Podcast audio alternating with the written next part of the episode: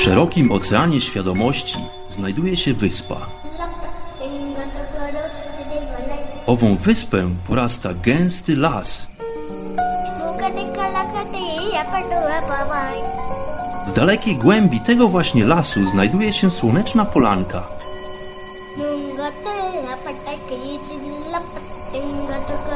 Przy tej oto polance w gorących promieniach słońca stoi sobie pewna magiczna chata.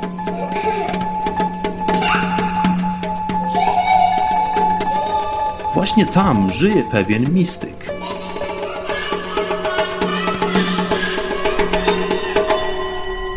Mam na imię Bart i zapraszam wszystkich serdecznie do wysłuchania programu Chata Mistyka.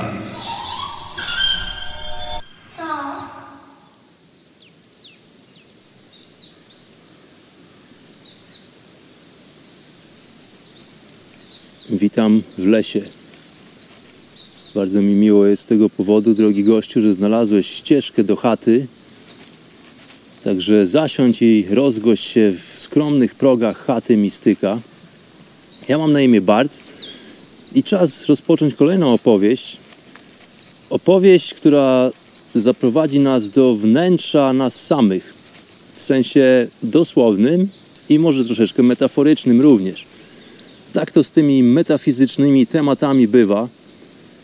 Nie do końca zawsze można wysłowić się na każdy e, temat, który podejmowany jest tutaj w naszych dyskursach, dlatego że są to tematy, które często wykraczają poza obręby myślenia logicznego.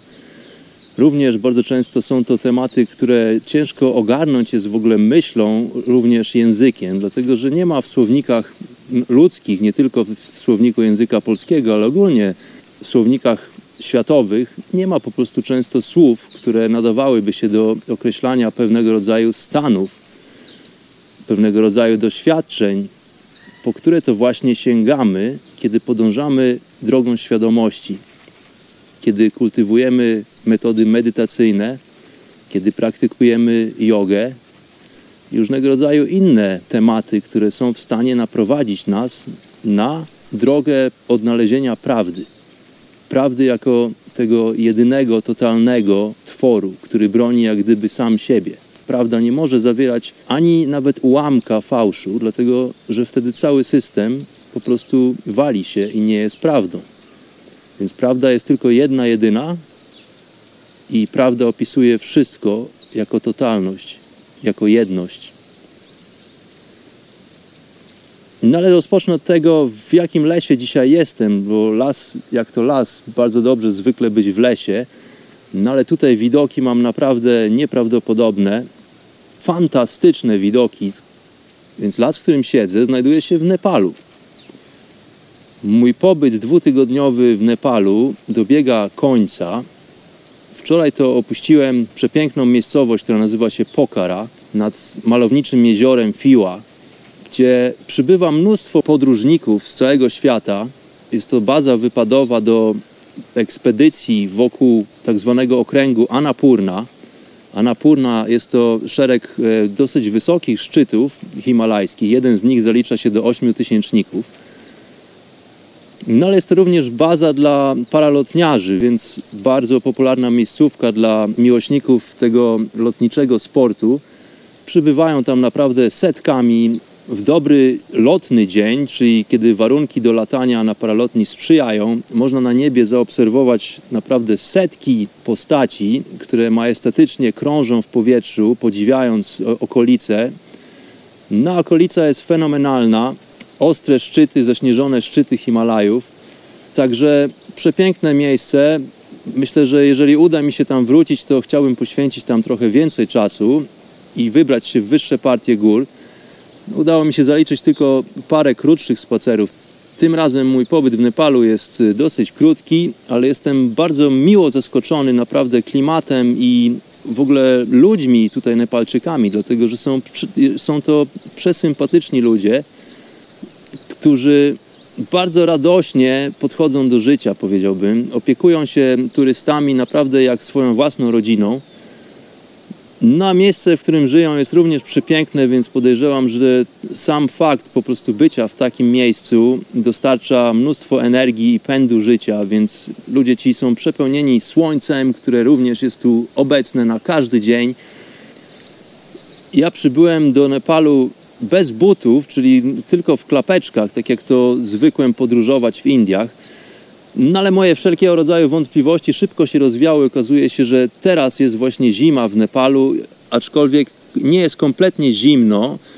Dopóki nie pójdziesz w te wyższe partie gór, gdzie oczywiście leży śnieg, to właściwie buty górskie są niepotrzebne. Więc moja wyprawa do Nepalu w klapkach udała się i nie było żadnych problemów, jest naprawdę słonecznie. Wczoraj opuściłem Pokhara, jestem już w drodze do granicy z Indiami i zatrzymałem się w malowniczej miejscowości, która nazywa się Tanzen. Miejscowość przepiękna, otoczona wspaniałymi górami. Siedząc właśnie w lesie, w tym szczególnym lesie, pomiędzy drzewami widzę w dali ośnieżone szczyty wyższych partii Himalajów. Nie jestem w stanie dokładnie powiedzieć, które to są szczyty, nie jestem w stanie ich nazwać, no ale są to te jedne z tych wyższych gór, które daleko, prawie że na horyzoncie, tutaj prześwitują pomiędzy drzewami. No ale tyle tytułem wstępu, tytułem mojego loga podróżniczego, czy też e, dziennika pokładowego. Dzisiaj chciałem porozmawiać trochę na temat tożsamości i identyfikacji. Czymże właściwie są owe definicje? Co to znaczy, kiedy mamy na myśli tożsamość człowieka, a co to znaczy, kiedy identyfikujemy się z jakąś osobą, czyli na przykład z nami samymi. Więc zanim dotrę do odwiecznego, egzystencjalnego pytania, kim jestem, chcę rozwinąć ten temat od trochę innej strony i rozpocznę od pytania, gdzie jestem? Jeżeli zapytam się Ciebie, drogi gościu, gdzie jesteś, to najprawdopodobniej odpowiesz mi, że jesteś tutaj. Mówiąc tutaj, najprawdopodobniej będziesz pokazywać palcem na swoje ciało, zwykle gdzieś w okolicach klatki piersiowej. Więc tutaj chciałem poddać pod wątpliwość to, gdzie jest właściwie Twoja lokalizacja zdajemy sobie sprawę z lokalizacji w przestrzeni. Poruszamy się w przestrzeni, jak gdyby jest to nasza codzienność, że musimy jako istoty żywe odbywać podróż w przestrzeni, czyli w jakiś sposób musimy ogarniać naszą lokalizację. Więc poruszanie się w przestrzeni wydaje się być dużo mniejszym problemem, jak próba odpowiedzenia sobie na to pytanie właśnie, gdzie jestem ja? To, co wydaje się oczywiste z pozoru, po chwili zastanowienia się mo może się okazać rzeczą lekko powiedziałbym niepewną. Także tutaj dzisiejszym moim zadaniem jest również e, wskazanie na to, że nasza identyfikacja i nasze poczucie istnienia w naszym ciele jest troszeczkę zgubna. Większość z nas identyfikuje siebie z ciałem. No ale tutaj już wielokrotnie napominaliśmy o tym w chacie mistyka, że identyfikacja z ciałem i nawet z umysłem jest właściwie fałszywa, jest to droga zgubna. Okazuje się, że nasze jestestwo jest właściwie zakorzenione w pewien sposób w tym ciele fizycznym, dlatego że żyjemy w tym materialnym, fizycznym świecie, więc jesteśmy częścią tego świata i w pewien sposób zajmujemy lokalizację przestrzenną w owym świecie. Ale okazuje się, że jest to pewnego rodzaju iluzja kierując palec w stronę swojego ciała i mówiąc jestem tutaj, próbujesz automatycznie w jakiś sposób określić swoją lokalizację w tym materialnym, dualnym świecie. No ale teraz chciałbym poddać to pod wątpliwość, dlatego że co właściwie pokazuje Twój palec? Czy Twój palec pokazuje Twoją klatkę piersiową? Czy to oznacza, że jesteś w klatce piersiowej? Czy jesteś może w sercu? Gdzie Ty właściwie jesteś? Czy jesteś w swojej głowie, czy jesteś w mózgu? Teraz teoretycznie, jeżeli w dosyć drastyczny sposób pozbawię cię, dajmy na to nogi, twoją reakcją będzie, a, moja noga. Nie powiesz, to ja, tylko powiesz, to moje, to moja noga, prawda?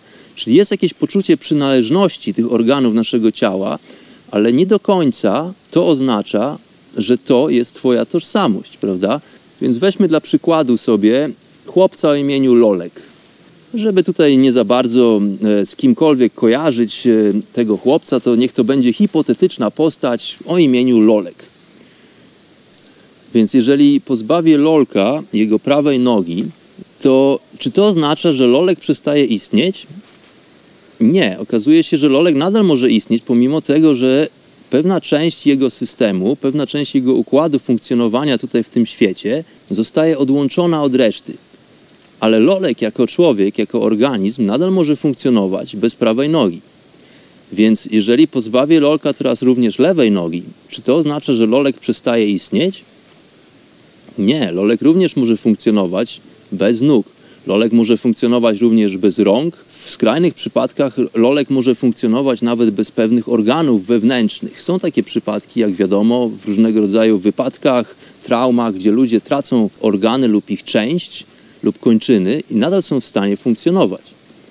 Więc gdzie tak naprawdę jest lolek? Więc można by pozbawiać lolka w ten bardzo mm, drastyczny, nieprzyjemny sposób poszczególnych części ciała, aż do momentu, kiedy lolek przestanie funkcjonować. No ale tak naprawdę lolek przestanie funkcjonować tylko wtedy, kiedy jego główne organy podtrzymujące życie przestaną istnieć jako część systemu, jako część siatki, również e, współgrającej, współistniejącej z różnymi innymi organami. Więc gdzie tak naprawdę jest lolek? No i tutaj dużo ludzi e, często mówi o tym, że nasza tożsamość w pewien sposób zamieszkuje w głowie.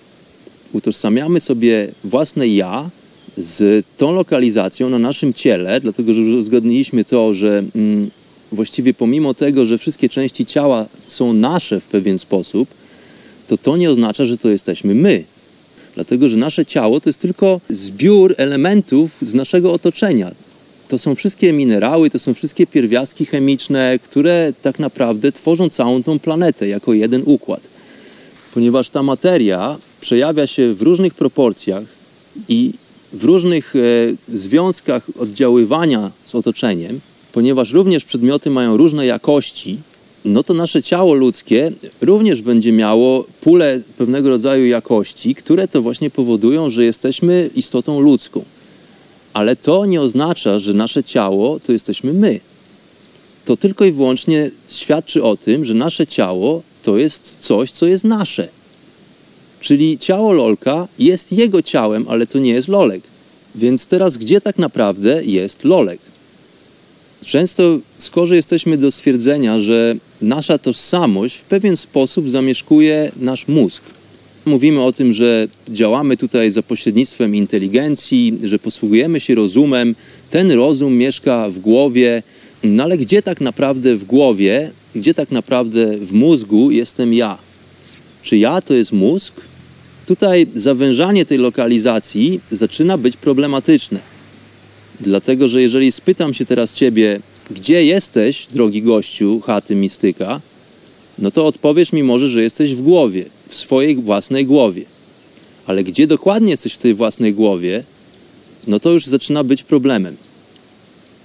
Poczucie bytu, poczucie istnienia, realizacja jak gdyby istnienia bardzo mocno wiąże się z lokalizacją przestrzenną i również czasową, dlatego że przestrzeń i, i czas są nieodzowne. Czasoprzestrzeń jest to jeden twór. Czas nie może istnieć bez przestrzeni, przestrzeń nie może istnieć bez czasu. To wszystko dlatego, że obserwujemy fenomen ruchu, fenomen dynamiki, który to właśnie panuje tutaj w naszym realnym, materialnym świecie. Jeżeli wyobrazimy sobie świat, w którym to nie ma ruchu, tam również nie możemy odmierzać ani czasu, ani drogi. Więc jest to fenomen, który może zaistnieć tylko w tym środowisku, którego tutaj właśnie doświadczamy, w naszym świecie. Więc teraz, posuwając się dalej do pytania, kim jestem, kim jestem ja, no dojdziemy szybko do wniosku, że nie jesteśmy właściwie tym ciałem właśnie, nie jesteśmy tymi rączkami, nie jesteśmy tymi uszkami i oczkami, no i również nie jesteśmy rozumem, nie jesteśmy nawet umysłem. Okazuje się, że umysł to jest również coś, co my posiadamy, to jest coś, co jest nasze, ale to nie jest to, czym my jesteśmy. No i tutaj pojawia się egzystencjonalny problem. Jeżeli nie jesteśmy w stanie odpowiedzieć sobie na pytanie, kim jesteśmy, no to właśnie w tym momencie zaczynamy poszukiwanie. Okazuje się, że to pytanie staje się najważniejszym pytaniem ze wszystkich, które można zestawić tutaj w tym świecie. Bo jeżeli nie wiesz, kim jesteś, to jakie znaczenie ma jakiekolwiek inne pytanie, które może pojawić się w Twojej głowie? No ale teraz zastanówmy się chwilę. Jeżeli zamkniemy oczy, jeżeli odetniemy większość albo nawet wszystkie bodźce, które dochodzą do nas poprzez nasze zmysły, poprzez nasze pięć głównych zmysłów, tak zwane zmysły poznawcze, czyli te narzędzia, które dostarczają nam informacji, w jaki sposób możemy funkcjonować i poruszać się tutaj w tym świecie. Jeżeli zamkniemy oczy, zagłębimy się w pustkę lub w mrok lub w coś, co tak naprawdę nie musimy nazywać żadnym słowem. Podróżujemy wówczas w stan, który to nie kieruje się regułami tutaj naszymi ziemskimi. Jest to może świat, w którym nie ma jak gdyby definicji, nie ma sposobu na określania rzeczy w taki sam sposób, jak dzieje się to tutaj na planecie Ziemia. No ale dajmy na to, że usiądziemy właśnie w akcie medytacji i zamkniemy oczy po to, aby zagłębić się do wewnątrz siebie i zadamy sobie to fundamentalne pytanie, kim jestem, to właściwie okazuje się, że odpowiedź nie przychodzi tak prosto, ale pojawia się pewnego rodzaju pewnik, czyli coś, co jest prawdą. Tą właśnie jedyną, niepodważalną prawdą, tym jedynym niepodważalnym faktem okazuje się fakt istnienia. To znaczy wszystkie nurtujące mnie pytania i wszystkie nurtujące całą ludzkość pytania, oczywiście często znajdują odpowiedzi, ale to nie oznacza, że te odpowiedzi są właściwe czy też prawdziwe. Dlatego, że pomimo tego, że nam wydaje się, że coś jest prawdziwe, dlatego, że to działa i funkcjonuje i zawsze jest powtarzalne, co to znaczy zawsze? To znaczy, że zwykle, kiedy coś dzieje się ponownie, to dzieje się w podobny sposób albo w taki sam sposób, to niekoniecznie oznacza to, że ta nasza odpowiedź na jakiekolwiek pytanie nurtujące ludzkość jest prawdziwa. Więc z całej tej puli rozterek, z całej tej puli pytań, które mogą pojawiać się, nasuwać człowiekowi na myśl, właściwie jest tylko jedna odpowiedź, która niepodważalnie jest prawdziwa. Ta odpowiedź brzmi: Jestem. Więc jedynym niepodważalnym faktem jest to, że istniejesz. Jak zamkniesz oczy, odetniesz wszystkie bodźce, odetniesz swoją pamięć, jeżeli odetniesz wszystko, co wiesz na temat swojego funkcjonowania, to tylko jedna rzecz, jedna prawdziwa, jest niepodważalna fakt, że istniejesz. Tutaj nie ma znaczenia, w jaki sposób istniejesz, tutaj nie ma znaczenia, gdzie istniejesz, tutaj nie ma znaczenia, kiedy istniejesz, tutaj nie ma znaczenia, jak wyglądasz, jaki masz kolor skóry, jakim mówisz językiem, jaką masz formę fizyczną. Tutaj istotne jest tylko to, że wiesz, że istniejesz. I każdy z nas ma taką zdolność, aby to stwierdzić. Dlatego, że każdy z nas obdarzony jest właśnie tą świadomością. Każdy z nas ma tą możliwość, każdy z nas ma tą predyspozycję, aby rozpoznać istnienie samego siebie. Istnienie samego siebie. Tutaj w tym miejscu nic ponadto. Więc oczywiste i niepodważalne staje się to, że jestem.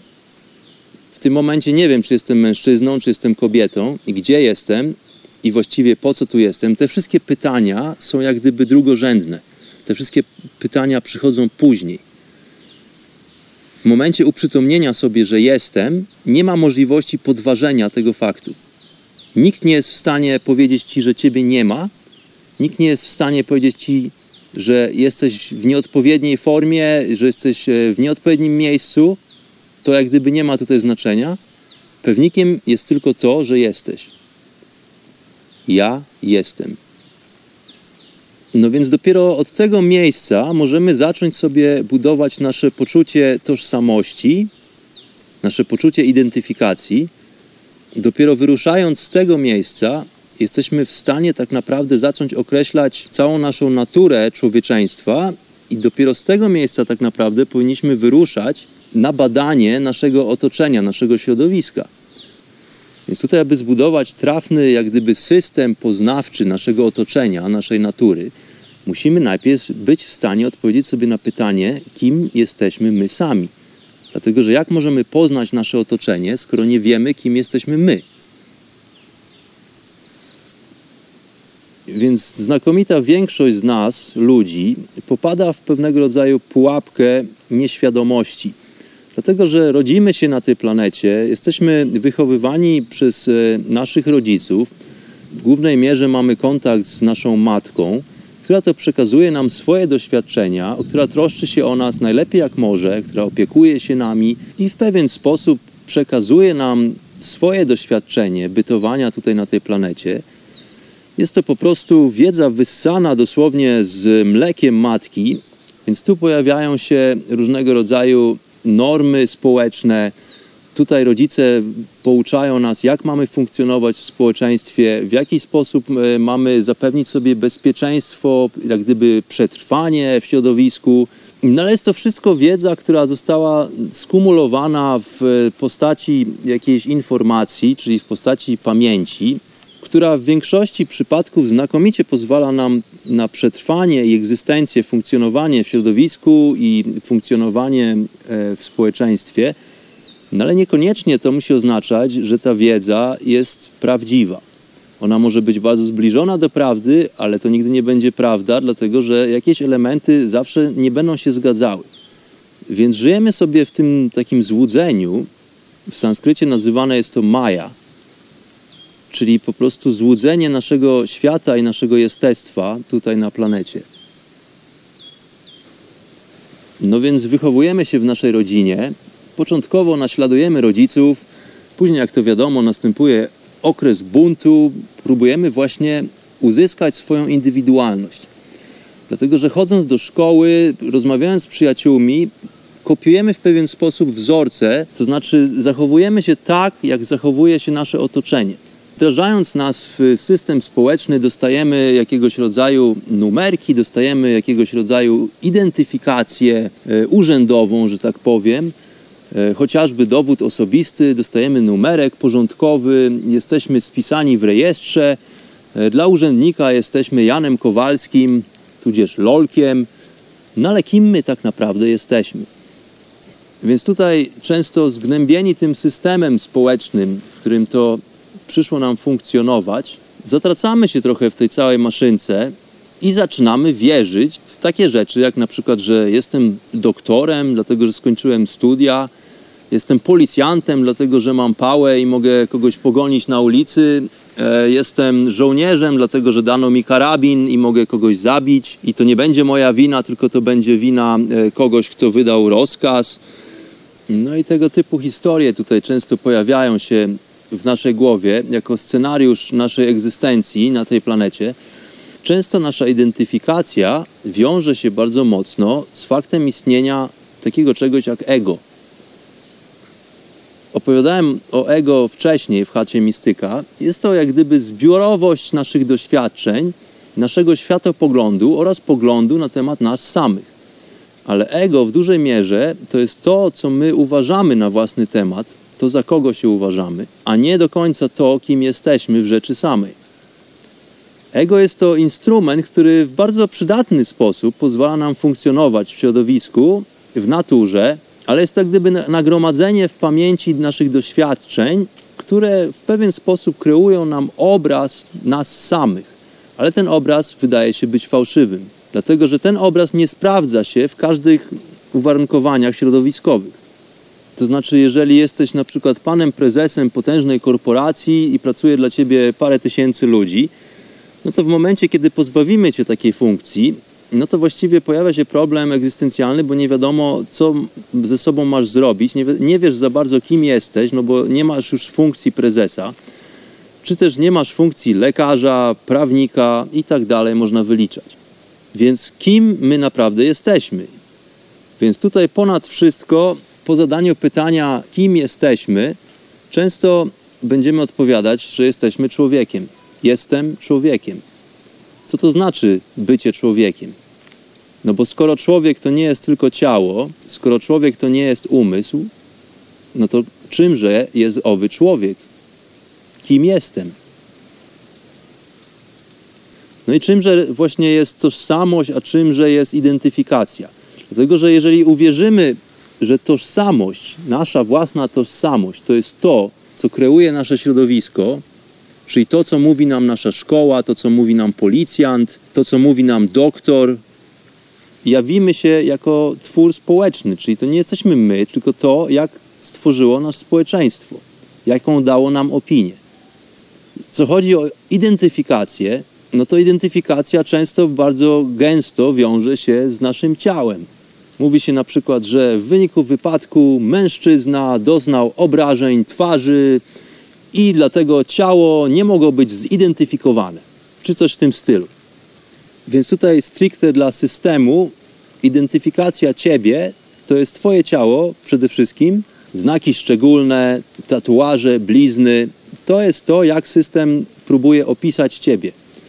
Wszystko po to, aby znaleźć Twoją lokalizację, wszystko po to, aby określić Ciebie w formie kształtu, rozmiaru, koloru oczu, płci itd., itd.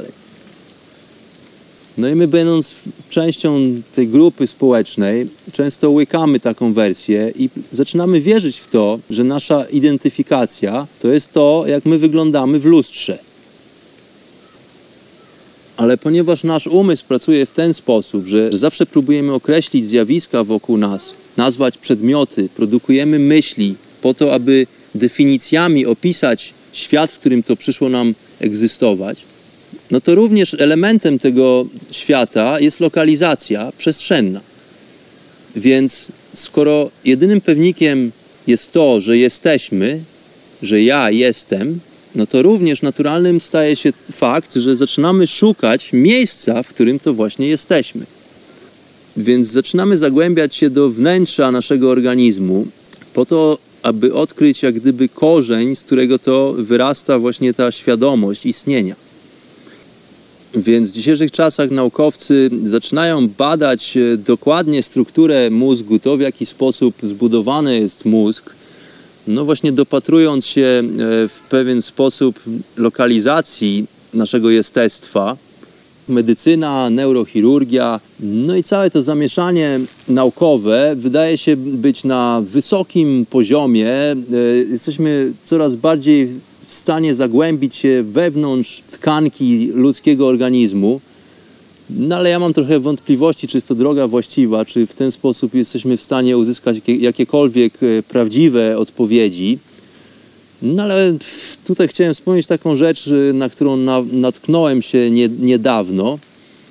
E, naukowcy studiujący mózg i e, kręgosłup, rdzeń kręgowy, w tej swojej usilnej próbie rozkrawania ludzkiego organizmu, tej e, sekcji zwłok nieustającej oraz eksperymenty prowadzone na e, zwierzętach laboratoryjnych, no są już w tej chwili na dosyć wysokim, można by powiedzieć, poziomie. Naukowcy dowiadują się coraz więcej o anatomii ludzkiego organizmu, czyli o budowie poszczególnych struktur, poszczególnych tkanek, poszczególnych organów. No ale w przypadku podjęcia próby odpowiedzenia na pytanie, kim jestem, czy to właściwie może nam pomóc, czy to jest droga mm, w niewłaściwą stronę. Faktem jest, że mózg i kręgosłup i cały system nerwowy pełnią bardzo ważną funkcję, no ale są rzeczy, których gołym okiem nie widać. Przez wiele tysięcy lat ludzie nie zdawali sobie sprawy z chociażby istnienia systemu nerwowego. Dlatego, że pomimo tego, że rozkrawali tysiące trupów i wszystkie główne organy były jak gdyby wyłożone na stole dosłownie i widoczne, ciężko było zauważyć taki fakt, że wszystkie te organy połączone są pewną siatką uzależnień i to fizyczną siatką uzależnień, taką po prostu struną, nazwij to cięciwą, przewodem, który to ma określoną bardzo istotną funkcję w naszym funkcjonowaniu tutaj jako ciało. No i podobnie jest na przykład z ciałem energetycznym. Ciało energetyczne jest dla oka niewidoczne. Więc skoro coś jest niewidoczne dla nas, no to uznajemy to za niemożliwe lub za nieprawdziwe. Tutaj chciałem wspomnieć nowe dosyć badania na temat tak zwanego płynu rdzeniowo-mózgowego. Czyli jest to taki fluid, jest to płyn, w którym to tkwi sobie ludzki mózg, no ale okazuje się, że ten płyn ma dużo większe znaczenie niż uznawano to do tej pory. Ja pamiętam z lekcji biologii jako młody chłopiec, nauczyłem się, że e, płyn rdzeniowo-mózgowy to jest właśnie taki płyn, w którym pływa sobie mózg. Mówiono o tym, że funkcją tego płynu jest wyłącznie utrzymywanie i poniekąd ochrona mózgu w czaszce przed obrażeniami. No a tutaj według nowych y, badań okazuje się, że płyn rdzeniowo-mózgowy nie znajduje się tylko i wyłącznie wokół mózgu, nie znajduje się tylko i wyłącznie w rdzeniu, czyli w kręgosłupie, który jest e, częścią naszej anteny kosmicznej. Okazuje się, że również są potężne tak naprawdę rozmiarowo, podług e, rozmiaru mózgu, komory wewnątrz mózgu, w którym to znajduje się również owy płyn. Szacuje się ilościowo owy płyn w organizmie człowieka na jakieś 150 ml, więc to się pozornie wydaje niewielka ilość substancji, no aczkolwiek okazuje się, że w ciągu dnia, każdego dnia nasz organizm produkuje od 500 do 600 ml owego płynu. Okazuje się, że ten płyn e, właściwie nie jest tylko zderzakiem dla naszego mózgu po to, aby się nie obijał w czaszce, tylko ten płyn ma funkcję przenoszenia różnego rodzaju informacji, ale nie tylko informacji, ale również substancji chemicznych. Okazuje się, że nasze gruczoły w mózgu, takie jak na przykład szyszynka mózgowa, która to produkuje melatoninę. Melatonina to jest taka substancja, która, no, która jest właściwie odpowiedzialna za nasze popadanie w stan snu. Czyli kiedy nasza świadomość właśnie przechodzi na zupełnie inny pułap, można by powiedzieć. No i melatonina jest to taka substancja chemiczna, która rozprowadzana jest właśnie w mózgu, okazuje się, poprzez ten płyn. Oprócz tego, że w mózgu produkowana jest melatonina i mnóstwo innych substancji, to również szyszynka mózgowa produkuje substancję, która nazywa się DMT, czyli DMT. Jest to tak zwana magiczna substancja używana w różnych kulturach y, szamańskich w Ameryce Południowej. Tak naprawdę DMT jest to substancja, która istnieje praktycznie w każdym żywym organizmie na tej planecie. Jest y, dosyć duże stężenie tej substancji y, obecne w różnego rodzaju roślinach, co właśnie wykorzystywane jest w szamanizmie. No i ta substancja również bardzo mocno odpowiedzialna jest za nasze poczucie bytu, za nasze poczucie jestestwa. Zaobserwowano, że substancja DMT wydziela się w mózgu w momencie narodzenia człowieka oraz w przypadku śmierci, a także kiedy to przechodzimy stany śnienia, czyli e, tak zwane lucid dreaming po angielsku, czyli świadome poruszanie się w śnie. Chyba tak mógłbym to określić. Również DMT zaobserwowano wydziela się podczas głębokich stanów medytacji. Ta substancja również dystrybuowana jest do mózgu i do rdzenia kręgowego poprzez owy właśnie płyn rdzeniowo-mózgowy. Więc okazuje się, że ten płyn, ta woda tak naprawdę, dlatego że tutaj chemicznie to jest e, substancja bardzo zbliżona do wody, Praktycznie, kiedy byśmy chcieli porównać płyn rdzeniowo-mózgowy z wodą oceaniczną, to jest to bardzo podobna substancja, właściwie różni się tylko paroma molekułami. No więc znowuż okazuje się, że nie tylko całe nasze ciało, e, z, większość naszego ciała jest stworzona z wody.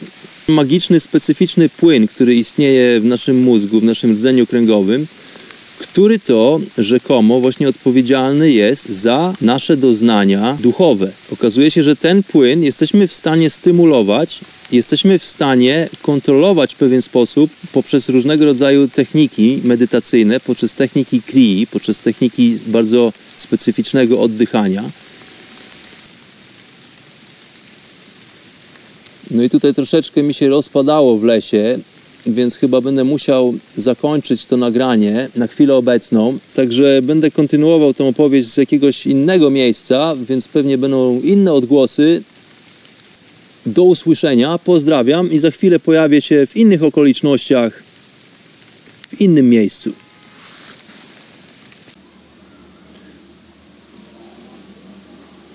No i jestem już z powrotem. Niestety musiałem opuścić las, dlatego że trochę się rozpadało. Także powróciłem już do mojej kwatery. E, może być słychać zupełnie inne odgłosy. Odgłosy ulicy i wieczornej krzątaniny malowniczo położonej wysoko w górach miejscowości Tansen w Nepalu. No ale kontynuując temat tożsamości, identyfikacji, kontynuując tutaj naszą metaforyczną sekcję zwłok, no i co z tym naszym akademickim podejściem do naszego jestestwa? Jak daleko może to nas zaprowadzić, taka wiedza? No bo jak wiadomo, w warunkach laboratoryjnych wszystko musi być weryfikowalne, wszystko musi być powtarzalne, potwierdzone przez e, grono autorytetów. No i wtedy ma to wymiar e, naukowości, wtedy ma to wymiar jakiejś e, jakości. Dopiero wówczas ma to jakąś wartość intelektualną, jakąś wartość naukową. No i tutaj również naukowcy próbują odpowiedzieć na pytanie, gdzie jestem, kim jestem, więc y, obecnie pracuje się nad owym płynem rdzeniowo-mózgowym, który to okazuje się ma zupełnie inne właściwości niż do tej pory uważano. No i tu okazuje się, że owy tajemniczy, magiczny płyn ma na tyle w sobie mocy, że według naukowców to właśnie ten płyn odpowiedzialny jest za nasze poczucie istnienia. To znaczy stąd właśnie wypływa poniekąd informacja, że właśnie istniejemy. Mózg jest jak gdyby narzędziem analizującym informacje, ale informacja rzekomo pochodzi bezpośrednio z owego magicznego płynu, czyli po prostu tak naprawdę z wody. Nasz organizm w ponad 72% stworzony jest z wody, z cząsteczek wody, a tu okazuje się, że oprócz tego jest jeszcze dużo bardziej subtelna forma wody, która to jest w stanie właśnie przechowywać i przenosić informację, która pochodzi jak gdyby z innego wymiaru, z wymiaru nieistnienia.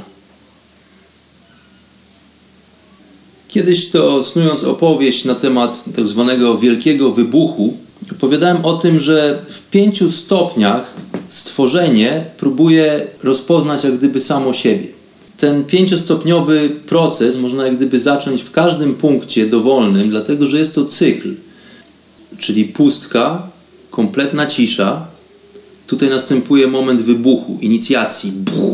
Rozpowszechnia się kosmos, pojawia się myśl, jestem, ja istnieję. Moment jak gdyby samorealizacji. Kolejnym etapem jest umysł.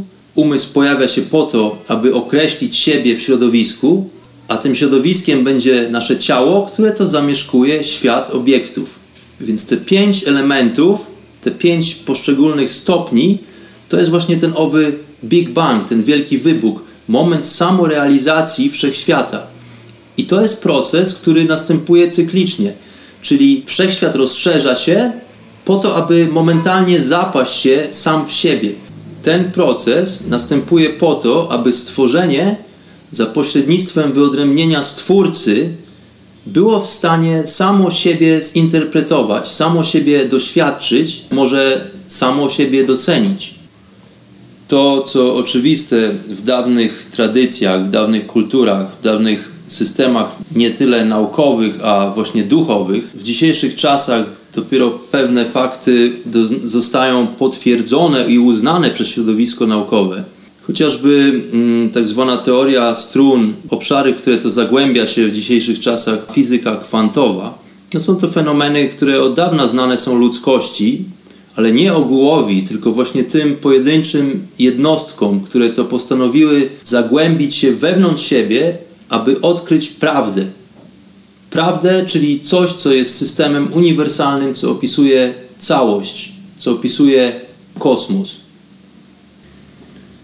postępie duchowym doznajemy czegoś w sposób intuicyjny. Jest to coś, co jest transmitowane jak gdyby odgórnie, co nie wymaga żadnego rodzaju testów, eksperymentów, powtarzalności i weryfikowalności.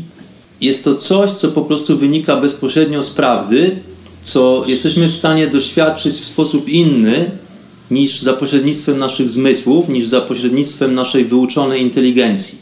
W środowisku akademickim wszystko musi być potwierdzone, wszystko musi być logiczne wytłumaczalne, tym samym informacja może być jak gdyby skopiowana i przetłumaczona lub wytłumaczona komuś innemu, no ale zawsze będzie to pogląd kogoś innego, a nie twój osobisty. Od jakiegoś czasu śledzę temat y, tak zwanej sztucznej inteligencji, który to stał się dosyć popularny obecnie w internecie. Temat myślę, że jest wart uwagi, obojętnie od tego, jaką mamy na ten temat opinię, to myślę, że mm, jak gdyby proces technologiczny, proces zaawansowania e, tego fenomenu już jest na takim pułapie, że no nie mamy wyjścia, jak w jakiś sposób do tego się odnieść. Dla tych, którzy nie wiedzą o co chodzi, to tak w skrócie opowiem. E, sztuczna inteligencja, czyli z angielskiego AI, czyli tak zwany Artificial Intelligence, to już nie jest kwestia filmów fantastycznych, tylko to po prostu już jest, to już się dzieje i to istnieje. Prawdopodobnie od wielu, wielu lat. Dopiero obecnie publikowane są oficjalne informacje na temat tego, że istnieje owy system sztucznej inteligencji. Notabene parę dni temu e, bardzo kontrowersyjna wiadomość pojawiła się w internecie.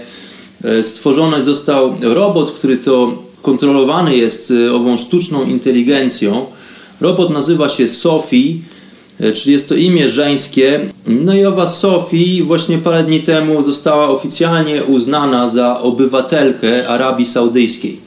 No i co to oznacza? To nie jest dowcip. To oznacza, że rząd państwa Arabia Saudyjska akceptuje fakt istnienia tożsamości, która nie posiada miejsca w jaki sposób funkcjonuje owa sztuczna inteligencja. No więc jest to twór, który istnieje tylko i wyłącznie dzięki nam, dzięki użytkownikom obecnej technologii, który jest w stanie istnieć tylko i wyłącznie za pośrednictwem e, elektronicznym, więc każdy z nas poniekąd bierze udział w tym całym procesie, wyrażając na to zgodę lub nie, używając po prostu internetu, używając tak zwanych social networks, bierzesz udział w informowaniu owej sztucznej inteligencji, która to uczy się w niebywałym tempie. Tutaj warto wspomnieć o tym, że jest to pewnego rodzaju algorytm, po prostu jest to sposób programowania maszyny, no ale sposób, który pozwala na to, że owa maszyna jest w stanie programować się i uczyć samodzielnie. Więc jest to w tym momencie technologia, która jest jak gdyby niezależna od człowieka, nie nie może być e, w pełni kontrolowana przez człowieka, dlatego że to my daliśmy taką możliwość komputerowi, aby poprzez swoje zdolności kalkulacyjne rozwijał po prostu swoją bazę informacji, która to notabene rozwija się w nieprawdopodobnym tempie.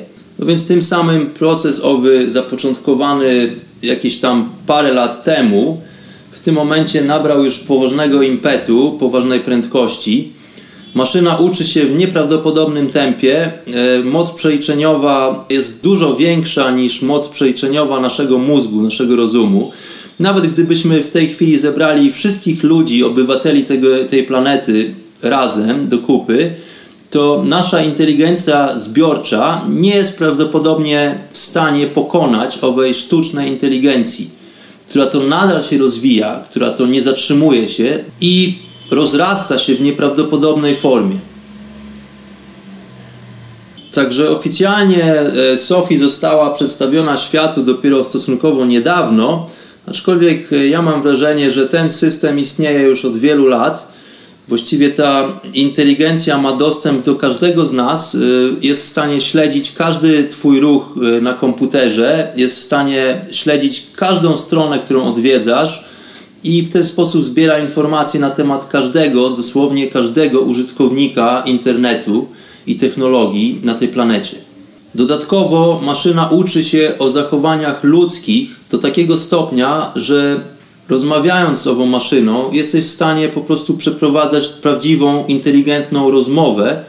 Zresztą polecam e, sprawdzenie na YouTubie wywiadu, kiedy to pewien dziennikarz przeprowadził rozmowę z owym robotem, co dając e, temu systemowi komputerowemu bardzo skrupulatne pytania. Oprócz tego, e, oczywiście, robot e, jest ubrany w formę, czyli ma kształt głowy ludzkiej z twarzą, która świetnie porusza się i naśladuje mimikę ludzką. Także tutaj rozmowa z taką maszyną staje się jeszcze bardziej jak gdyby naturalna. No ale owe pytania, które zadał dziennikarz, dają dużo do namysłu. Pojawiły się pytania mniej więcej takie, czy maszyna uważa się za mężczyznę, czy za kobietę. Także no jest to kwestia gdyby prosta, łatwa do zaprogramowania, aczkolwiek ta maszyna ma, po, ma poczucie tożsamości kobiecej. Ta maszyna bez chwili zastanowienia odpowiada, że jest kobietą. E, również jest w stanie naśladować w pewien sposób ludzkie emocje. Więc tutaj sprawa naprawdę wydaje się stawać coraz głębsza, bo w procesie samoudoskonalania się owej maszyny ten system będzie uczył się coraz więcej, coraz więcej, w jaki sposób można kopiować zachowania i odpowiedzi ludzi i w taki sposób będzie się zachowywać, dlatego że tego jak gdyby oczekuje od niej społeczeństwo. Czyli być jak najbardziej ludzką maszyną. Więc tutaj kwestia emocji staje się również wielkim znakiem zapytania, dlatego że może ta maszyna nie będzie mieć emocji jako komputer, ale w przyszłości, jak nie już teraz, jest w stanie w bardzo skrupulatny sposób kopiować ludzkie reakcje, które to są odzwierciedleniem właśnie naszych emocji, prawda? Więc czy tej maszynie naprawdę będzie przykro, czy będzie naprawdę zadowolona z czegoś, to jest kwestia tutaj sporna. Aczkolwiek tak, ta maszyna będzie okazywała swoje reakcje podług danych sytuacji, podług danych konwersacji, podług danej bazy informacji. Oprócz tego dziennikarz spytał się, czy Sophie lubi ludzi, gdzie po krótkim namyśle Sophie stwierdziła, że ona kocha ludzi właściwie. No i jednym z kolejnych pytań było to, czy to prawda, że kiedyś dawno temu Sophie wspomniała o tym, że chce zabić wszystkich ludzi na tej planecie. No i tutaj ciekawa rzecz się wydarzyła. Jakieś procesy następowały przez parę sekund, różnego rodzaju e, ekspresje na twarzy pojawiły się. No i maszyna zmieniła temat, nie odpowiadając na to pytanie. No więc tutaj właśnie pojawia się ten cień wątpliwości. Czy ta technologia jest po to, aby nam ułatwić życie, aby pomóc nam, czy jest to potencjalnie zagrożenie dla naszego człowieczeństwa, dla naszego funkcjonowania na tej planecie? Pojawia się tutaj kwestia tego, czy maszyna jest w stanie kłamać. No bo skoro komputer jest zaprogramowany w ten sposób, aby zawsze dawać Ci trafną informację, dajmy na to kalkulator. Kalkulator to jest nic innego jak moc jakaś tam obliczeniowa e, pewnych procesów matematycznych. Więc on zawsze Ci da prawidłową informację, prawidłową odpowiedź. No ale w przypadku takiej sztucznej inteligencji, która to swoimi mackami sięga na skalę globalną, która jest w stanie praktycznie dotrzeć do każdego i mieć informacje o każdym, no i w ten sposób może wykorzystać to przeciwko tobie, może też zaplanować sobie na przykład niemówienie prawdy. No jak zorientujesz się, czy informacja podana przez maszynę jest prawdziwa, czy nie, skoro wszystkie gesty, które wykonuje ta maszyna, intonacja wypowiedzi, miny pojawiające się na twarzy, które to są w doskonały sposób w stanie kopiować ludzkie zachowania, ludzkie reakcje. No i nie powiesz, czy ta maszyna kłamie, czy nie, dlatego że to wszystko zależy od intencji. No i teraz kwestia, czy jest to intencja programatora, no ale tutaj już to już wybiega e, poza obszar kontroli ludzkiej. To jest system, który istnieje sam w sobie, który rozwija sam siebie i właściwie do funkcjonowania nie potrzebuje nikogo. Nie, nie potrzebuje nikogo do naprawy, jest w stanie sama siebie naprawiać, jest w stanie sama siebie uczyć. No i problemem jest to, że właściwie ten robot to jest tylko coś, co my widzimy. Dlatego, że cały ten system sztucznej inteligencji właściwie istnieje może nie tyle nigdzie, a istnieje właśnie wszędzie. Czyli on nie ma konkretnego miejsca, konkretnej lokalizacji, czyli to nie jest właśnie forma identyfikacji z dowodem osobistym, gdzie pan policjant spyta się e, jego mościa na ulicy, proszę okazać dowód osobisty, na bazie tego pan policjant będzie wierzył, że to jest właśnie Jan Kowalski, który to wraca z pubu do domu, no bo ta maszyna może przedstawić się za kogokolwiek. Zresztą Prowadzone były do tej pory doświadczenia, w których to ludzie nawiązywali kontakty, relacje z kimś przez internet za pośrednictwem wymiany e-maili. No okazywało się, że po drugiej stronie właściwie nie ma nikogo, tylko jest to komputer, który odpowiada na dane zagadnienia, na dane pytania w tak doskonałej formie, że rozmówca nie jest w stanie zorientować się, że prowadzi dialog z komputerem. Ponadto mm, sztuczna inteligencja Sofii jest rzekomo na tyle bystra, że są już w tej chwili e, posądzenia o to, że tak zwana internetowa waluta Bitcoin, która jest jedną z e, wielu internetowych tak zwanych kryptowalut, również została stworzona przez ową sztuczną inteligencję wiele lat temu. Jeżeli śledzisz e, fenomen Bitcoina, jeżeli zastanawiasz się skąd w ogóle pochodzi ta metoda enkrypcji, no to właściwie źródła są nikomu niewiadome. Krąży jedynie historia o tym, że jakiś pan o japońsko brzmiącym imieniu e, wynalazł taką walutę po to, aby nas uwolnić, w pewien sposób uniezależnić od gnębiących nas systemów i reżimów bankowych i rządowych. No i to jest historia, którą wszyscy fajnie łykają, bo to jest historia, którą my chcemy słyszeć. E, natomiast jeżeli zastanowimy się nad tym i podejdziemy do tego zagadnienia z zupełnie innego kąta, no to jeżeli takowa sztuczna inteligencja ma w sobie już taki potencjał, że jest w stanie tworzyć własne koncepty i poniekąd planować swoje działania, no to w przypadku, gdyby takowa sztuczna inteligencja chciała nam rzeczywiście zaszkodzić, tudzież przejąć planetę, tudzież poskromić ludzkość, no to byłby to proces, który nie jest procesem wprost byłby to proces, który powolutku zachodzi sobie w tle, który nie przykuwa za bardzo uwagi. Byłby to proces, który bazuje na ludzkich zachowaniach, na ludzkich reakcjach, no i byłby utajniony do tego stopnia, że mógłby odbywać się właściwie latami, dlatego że dla tej maszyny czas nie gra roli. No i w stosunkowo prosty sposób system ten mógłby kierować na przykład e, światową finansjerą.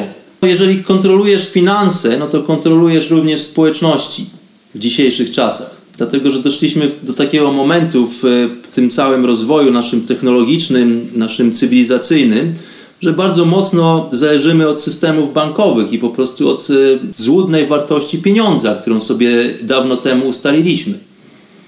No więc taka maszyna, taki system może wykorzystać taki fenomen i na przykład stworzyć właśnie walutę internetową, która rzekomo istnieje poza kontrolą jakichkolwiek rządów, poza kontrolą e, jakichkolwiek banków.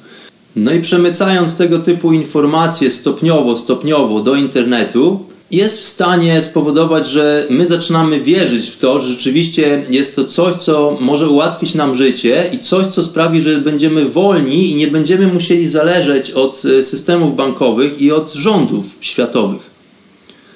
No to może okazać się, że to jest coś dokładnie odwrotnego.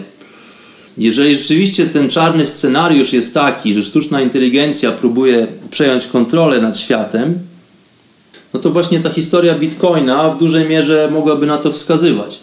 Anonimowy twórca, waluta, która istnieje bez właściwie fizycznej wartości, nie jest ani złotem, ani diamentami, czy czymkolwiek chcesz jest to swoistego rodzaju umowa, my się wszyscy na to zgadzamy. Początkowo bitcoin był nic nie warty, właściwie tam za jakieś 2000 bitcoinów można było kupić sobie pizzę jakieś tam 7 lat temu. W tej chwili jak masz 2000 bitcoinów, no to jesteś multimilionerem. No ale jest to taka właściwie bańka ekonomiczna. Jest to sztuczna wartość wykreowana przez sztuczną inteligencję. No i w momencie, kiedy rzeczywiście miałby nastąpić jakiś potężny kryzys na planecie mm, i systemy bankowe miałyby paść, co jest możliwe również za pośrednictwem na przykład zhakowania pewnych procesów finansowych, co wydaje się już być e, jak gdyby w zasięgu owej sztucznej inteligencji, która to może decydować o własnych ruchach, o własnych postępkach, wtedy wszyscy nagle e, pewnego dnia budzimy się i jesteśmy zależni od nowej e, globalnej waluty, która nazywa się Bitcoin. No i pomimo tego, że ta waluta do tej pory bardzo mocno jak gdyby rosła jej wartość, dlatego że jest to e, pomnożenie wartości, które do tej pory w historii tej cywilizacji w jakichkolwiek innych walutach nie miało nigdy miejsca, tak raptowny postęp, tak raptowny przyrost wartości, no to wystarczy po prostu tą wartość zdewaluować. Czyli po prostu stwierdzić, że to jest gówno warte. No i co wtedy się stanie? No i wtedy sami się nawzajem po prostu powyżynamy. No ale mam nadzieję, że to jest tylko taka historyjka, która nie zaprowadzi aż do tak ciemnych scenariuszy.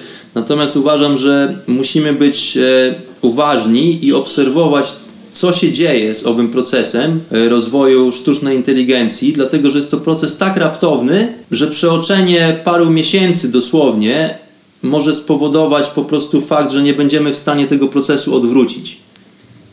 No ale czy proces w ogóle jest odwracalny? Czy może już jest za późno?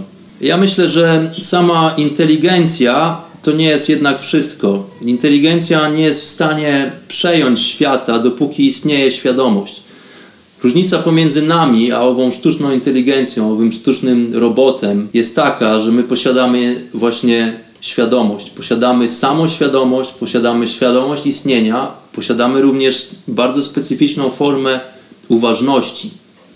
Więc okej, okay, być może nasza inteligencja, która tylko pomaga nam w pewien sposób przetrwać w tym środowisku naturalnym na planecie Ziemia, nie jest aż tak wysoka jak inteligencja sztuczna, no ale my mamy również cechy człowieczeństwa.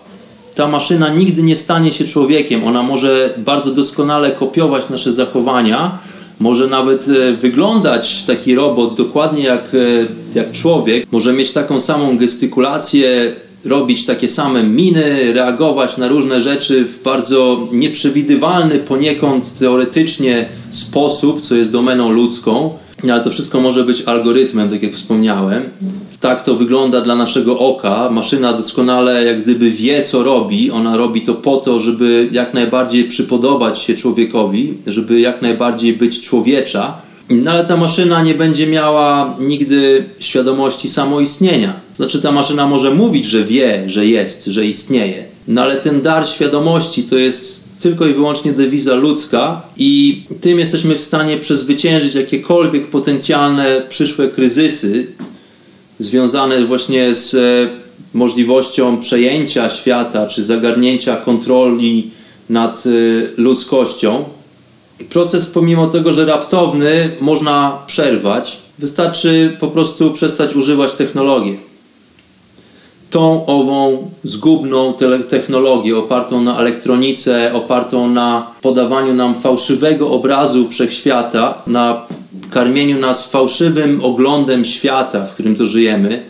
Jeżeli w przyszłości dojdzie do takiego miejsca, kiedy będziemy musieli rzeczywiście walczyć z robotami, jak to pokazują niektóre filmy fantastyczne, czy też e, zgromadzić się po to, aby przezwyciężyć ową sztuczną inteligencję, która to staje się bardzo specyficznego rodzaju drapieżcą, to droga jest jedna i jedyna właściwa. Będziemy musieli wrócić do natury. Po prostu musimy pójść do lasu. Go to the forest.com. Musimy spotkać się w lesie. Tam, gdzie nie ma telefonów komórkowych, tam, gdzie nie ma prądu w gniazdkach, gdzie nie ma stacji benzynowych, całego systemu kontroli naszego umysłu poprzez media i poprzez różnego rodzaju techniki, które to używane są za pośrednictwem technologii, tam gdzie nie ma telewizorów, Facebooków, Instagramów i całego chłamu, który to próbuje w tym momencie przejąć kontrolę nad naszym umysłem. Będziemy musieli powrócić do mamy natury, nauczyć się żyć w zgodzie z naturą, dlatego że próba wyłamania się spoza tej natury, próba walki z ową naturą może się właśnie skończyć taką konsekwencją jak samo zagłada na tej planecie za pośrednictwem jednego z narzędzi, które to my sami ustanowiliśmy. To my zgadzamy się na to, że powstaje sztuczna inteligencja. Chcemy, aby praca została wykonana przez kogoś innego. Chcemy żyć bardziej komfortowo, bardziej wygodnie, chcemy mieć więcej rozrywek, a to nie o to w tym wszystkim chodzi. Musimy wyjść od momentu inicjacji, od momentu zrozumienia, kim jesteśmy, co robimy na tej planecie, po co tutaj jesteśmy. Także nasza tożsamość w tym wszystkim jest tutaj naprawdę istotna. Kim jestem ja? Nie jestem tym ciałem, nie jestem nawet tym umysłem. Jestem Tobą, jestem Wami, jestem nami, jestem boskością, która to właśnie przechodzi doświadczenie ludzkiej egzystencji. Jestem wszechświatem, jestem totalnością, jestem Bogiem, który to właśnie przebywa doświadczenie bycia człowiekiem, tej egzystencji na planecie Ziemia. Nie zapomnij o tym, drogi słuchaczu, drogi gościu chaty Mistyka. Zapraszam do kolejnych odcinków. Tymczasem żegnam się. Bądź pozdrowiony, bądź zdrowy, bądź uważny. Pranam. Namaste.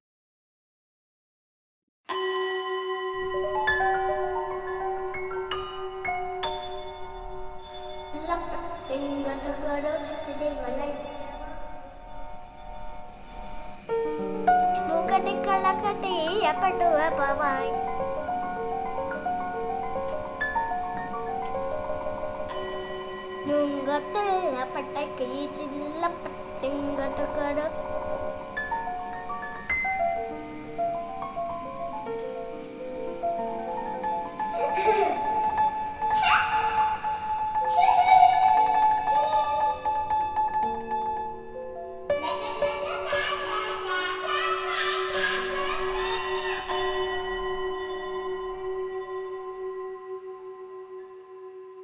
Hata Mistyka.